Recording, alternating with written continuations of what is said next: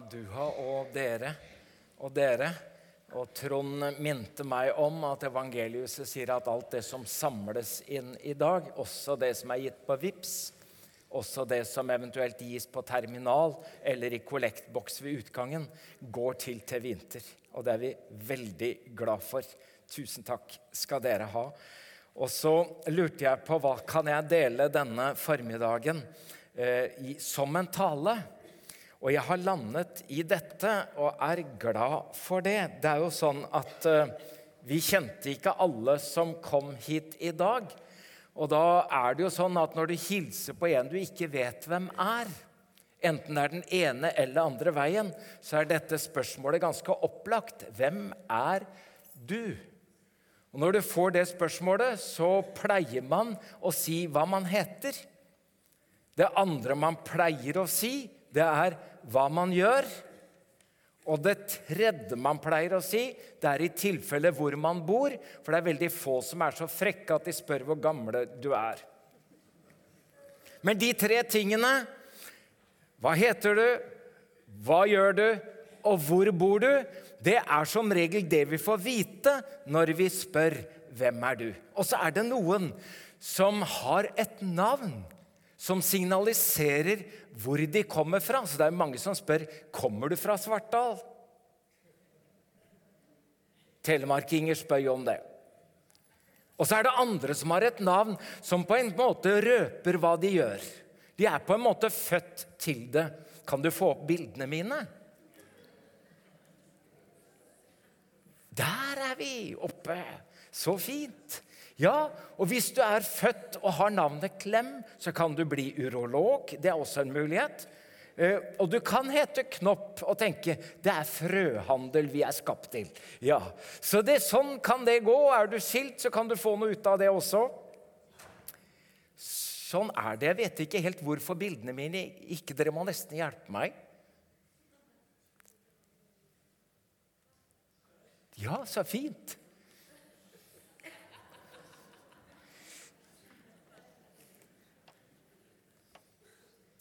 Er det noe jeg kan gjøre, Mina og Runar, eller? Er vi på? Fint. Da handler det altså om identitet. Og da har vi Så fint. Er det noe som er ustabilt? Det er, jeg tipper det er den her, ja. Som er litt kranglete. Ikke sant. eh, Det vi kan gjøre, det er kanskje hvis vi gjør sånn, og så kan vi legge den over her. Skal vi se om det blir bedre, om det er mer stabilt. Du løste det, du. Er det sant? Ja, ja, ja. Så fint. Det var hyggelig å hilse på deg også. Like på E- Egil heter jeg. Eirik heter jeg. Eirik. Veldig. Hva gjør du ellers? Regnskap. Regnskap. Hvor bor du? Jeg bor eh, på vestsida. På vestsida. Ja. Hvor gammel er du? Jeg er 29. Ja. Hvis du går inn i banken Ja. og sier at 'jeg er Eirik og bor på vestsida', ja. får du da ut penger? Nei, det tror jeg ikke. Nei. Jeg tror de må vite litt mer. Hvis du går gjennom passkontrollen og sier at 'jeg heter Eirik', det kan du vel se. Ja, Da kommer du forbi. det er muligens. Tvilsomt. Ja, kanskje. Ja. Har du lyst til å gå ned igjen nå? Jeg syns det var litt hyggelig. Takk skal du ha. Det hadde Det hadde jeg lyst til å si. Pass på at ingen stjeler identiteten din. Før så var vi veldig redde for at noen skulle knuse vinduet eller bryte seg inn døra og bære ut TV-en. Det er det nesten ingen som gidder lenger. Nå bryter de seg gjennom på nettet for å prøve å utnytte identiteten din til noe annet. Enten å stjele den eller misbruke den.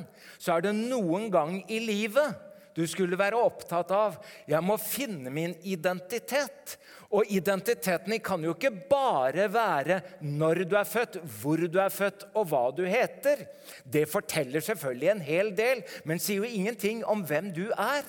Så hvis jeg sier 'Hvem er du?' Og du får ikke si navnet ditt, og ikke hva du gjør, ikke hvor du bor, og ikke hvor gammel du er, hvem er du da?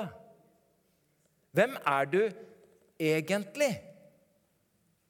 Hva sier du om deg selv? Døperen Johannes han hadde begynt å tale og døpe ute i ørkenen nede ved Jordan. Og nå kom folk fra Jerusalem, og så gikk de ut i ørkenen for å høre denne mannen med denne rare kamelårskappen, som visstnok bare spiste eh, eh, gresshopper og vill honning.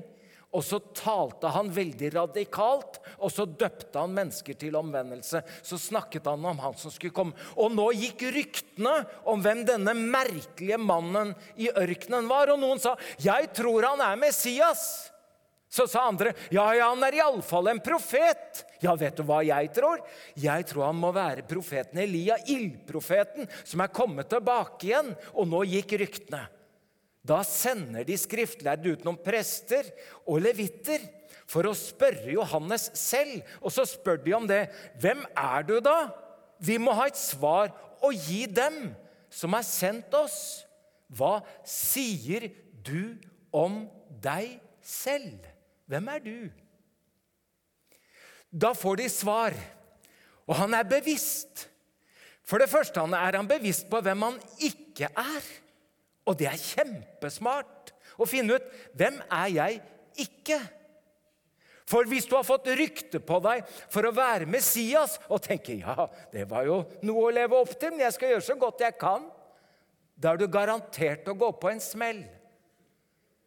Og det er jo ikke bare at noen tror at du er Messias, men noen har hatt forventninger og forhåpninger til deg som du har prøvd å leve opp til og kanskje forstrukket deg og skjønte det klarer jeg ikke. Så det er smart å finne ut hvem man ikke er, så man ikke bruker for stor del av livet til å leve opp til andres forhåpninger og forventninger. Men du kan jo ikke leve hele livet på en ikke-identitet. Jeg er ikke det. Jeg er ikke det. Jeg har truffet folk over hele Norge når jeg har snakket med de på TV om Jesus. Så sier de 'Jeg vil ikke bli sånn kristen som bestemor'. 'Jeg vil ikke bli sånn kristen som du var hjemme i menigheten'. Så sier jeg 'Så fint at du har funnet ut det. Tok det lang tid?' Og da viser det seg at noen de hadde måttet reise langt av gårde og brukt god tid på å finne ut hvem de ikke ville være. Men du kan jo ikke leve resten av livet på å vite hvem du ikke er eller ikke vil være. Hvem vil du være da? Og da svarer døperen Johannes, 'Jeg er røsten av en som roper:" Gjør Herrens vei jevn. Han er veirydder, han er forløper, og han er en profetrøst for Herren Jesus Kristus. Hvem er du ikke? Hvem er du da, så du ikke lar deg begrense av andres begrensninger. Mange av oss har sett eh, serien på NRK som het 'Hvem tror du at du er?' Og Da er det kjente mennesker som får hjelp av slektsforskere til å finne ut noen om noe i deres nære opphav som de ikke har visst noe om. Og Det rare har ikke vært å finne ut noe om vedkommende, men det rare har vært når de har funnet ut selv at Oi, kanskje det er henne jeg har det fra. Og er det han? Oi. Så fikk det en slags mening for den som oppdaget det. Hvem er du? Hvem kommer du egentlig fra? Biologisk sett kommer jeg fra disse. Her er mor og far nygifte. En måned før de reiser til India som misjonærer, så er det deres foreldre på første rad. Dette her ser ut som det er tatt i et annet århundre, og det er det. Og så er det deres søsken før de reiste til India en måned etter bryllupet, 23 og 26 år gamle. Dette er noe av mitt opphav, og jeg har tenkt hva i dem har satt spor i meg, og hva i det har gjort med identiteten min. Så er dette to av de neste, en av døtrene våre og en av barnebarna våre. Det er ikke bare det at de er vakre, men det er måten de ser på hverandre på. For jeg har av og til tenkt på kvinnens bryster.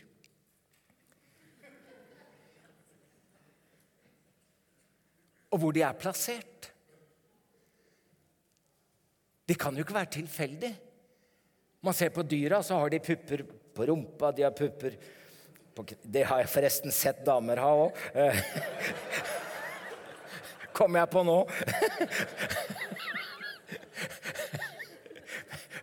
Men de begynte jo ikke her nede.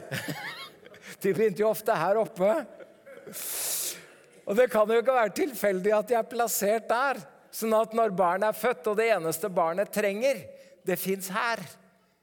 Og det er plassert sånn at mens barnet spiser det kroppen trenger, så ser man inn i øynene til det mennesket som mest sannsynlig er det mennesket i verden som elsker det aller mest.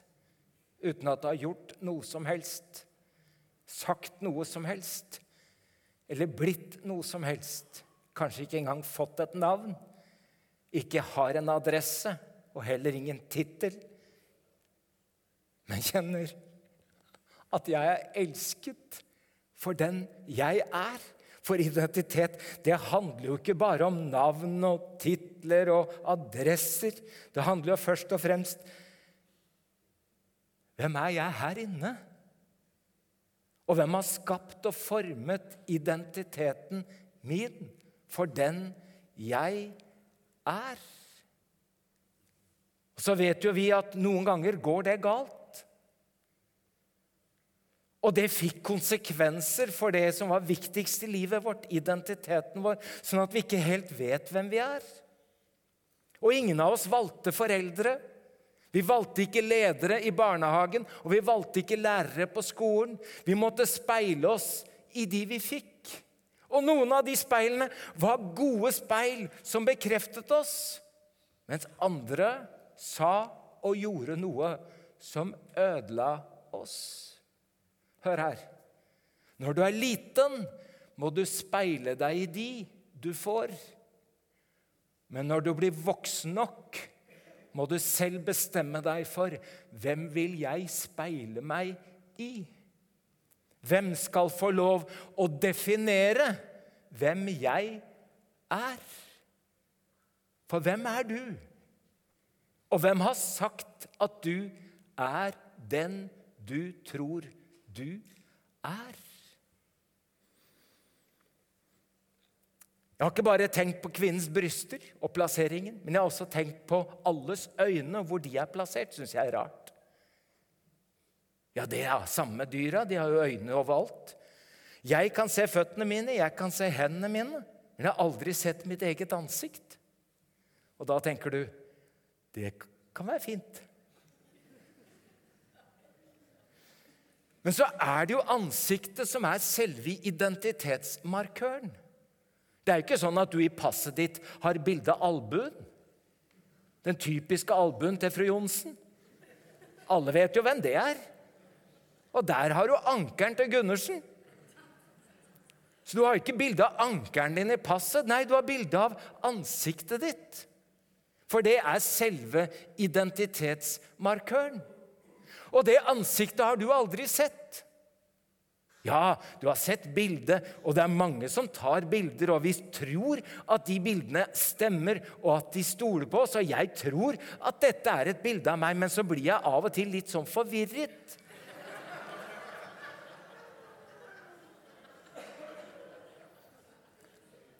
Og så sier folk 'Det er også deg, Egil'. Ja, er det meg, dette, da? Du ligner Hvor lenge har dere vært gift? Du ligner veldig på kona di nå. Og moren din Er du er, Ja, hvem er jeg, da? Og hvis det er så lett å manipulere bilder, hvor vanskelig tror du da det er å manipulere folks identitet? Ja, kanskje ikke de som har fått en solid identitet. Men de som vokser opp, og som ikke vet hvem de er Og noen forteller det ene, og noen forteller det andre. Hvem er jeg, da? Og Det hender jo av og til når jeg skal ut og holde et møte, at noen spør kan du sende et bilde, sånn at vi kan bruke det i annonsen. så får jeg fort en mail tilbake. 'Har du noe vi kan velge i?' Som om dette ikke skulle trekke folk, liksom. Hvor er kamelårskappen, spør jeg. Hvem er du? Ja, hvem er du egentlig? Ikke bare i tall og fakta. Men hvem sier du at du er? Og hvem har fortalt deg at du er du? Om den såkalte bortkomne sønnen. Han har jo to hjemkomster etter å ha reist langt bort og tatt seg god tid til å finne ut hvem han ikke ville være.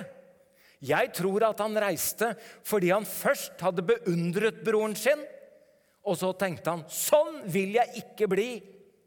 Og for å ikke bli sånn som broren, så tror jeg at han reiste til et land langt borte og bestemte seg for sånn skal jeg ikke bli.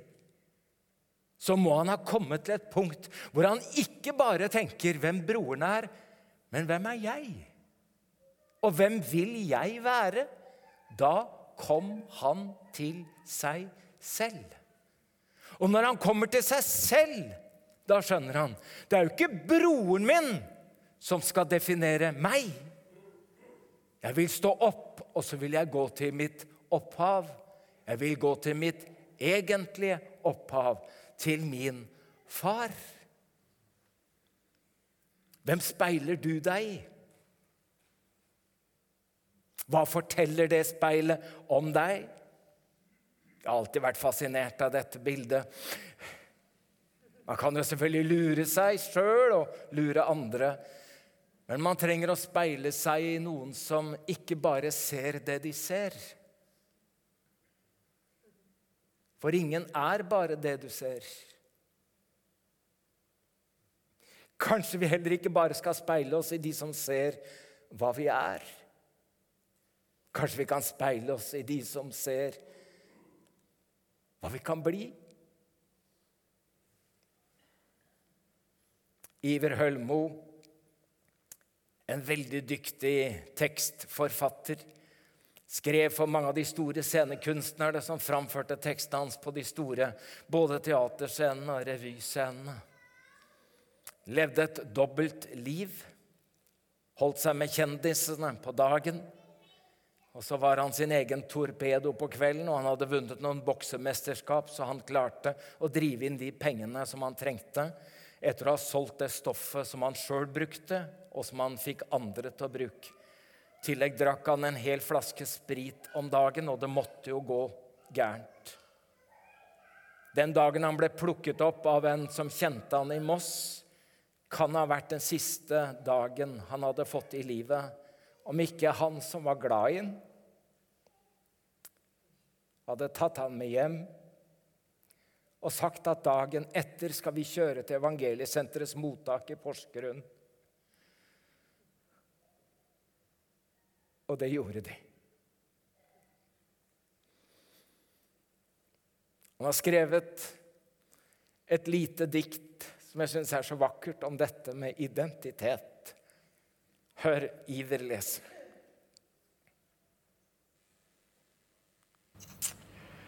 Du som så meg da jeg subba rundt i mørket mitt. Og du som så meg da jeg spredde møkk og slengte dritt. Og du som så meg da jeg var kvalm ovenpå. Jeg skulle ønske at du kunne se meg nå. Og du som snakka med meg da jeg var på trynet.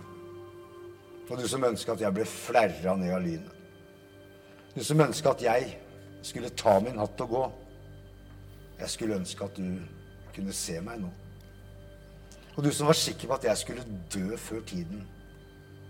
Du som håpet at jeg hadde dødd for lenge siden. Du som ønska meg alt det kjipe det var mulig å få. Jeg skulle ønske at du kunne se meg nå. Og du som mente jeg var djevelen i egen person. Du som mente at jeg ikke hadde noen misjon. Du som visste at for meg var det én vei det ville gå. Jeg skulle ønske at du kunne se meg nå. Og du som mente jeg var gitt opp av både Gud og alle. Du som visste med sikkerhet at jeg ville falle. Du som trodde jeg aldri ville reise meg og stå. Jeg skulle ønske at du kunne se meg nå. For jeg har møtt Jesus. Nå, nå går jeg med han. Det er slutt på hor og slåsskamper og narko og dram. For jeg har fått et liv aldri drømte om å få. Og jeg skulle så virkelig ønske at du kunne se meg nå. Takk, Jesus. Iver Hølmo, hvem speiler du deg i? For nå ser vi i et speil, i en gåte. Da skal vi se ansikt til ansikt.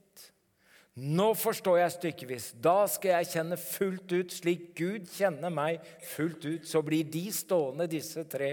Tro, håp og kjærlighet. Men størst blant dem er kjærligheten.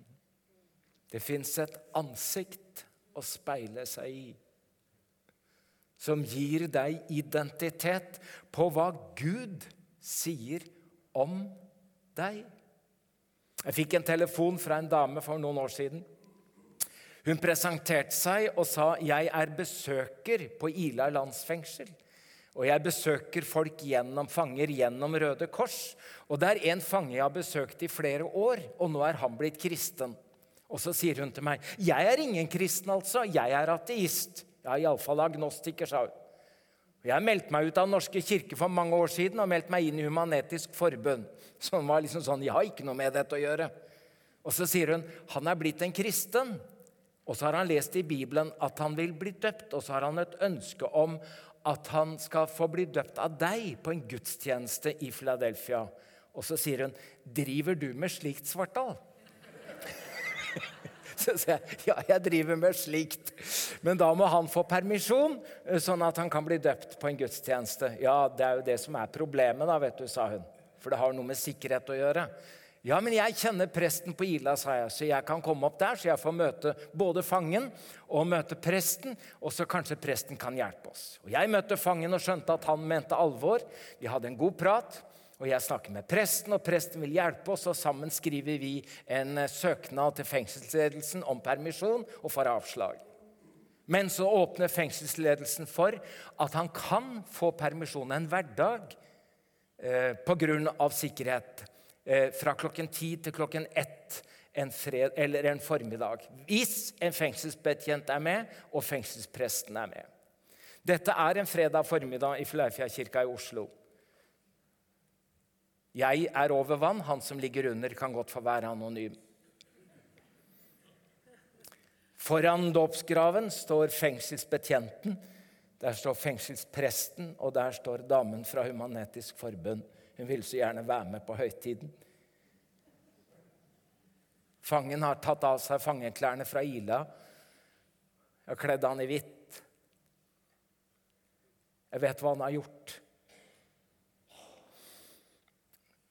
Hvor mange ganger må du ljuge for å bli en løgner?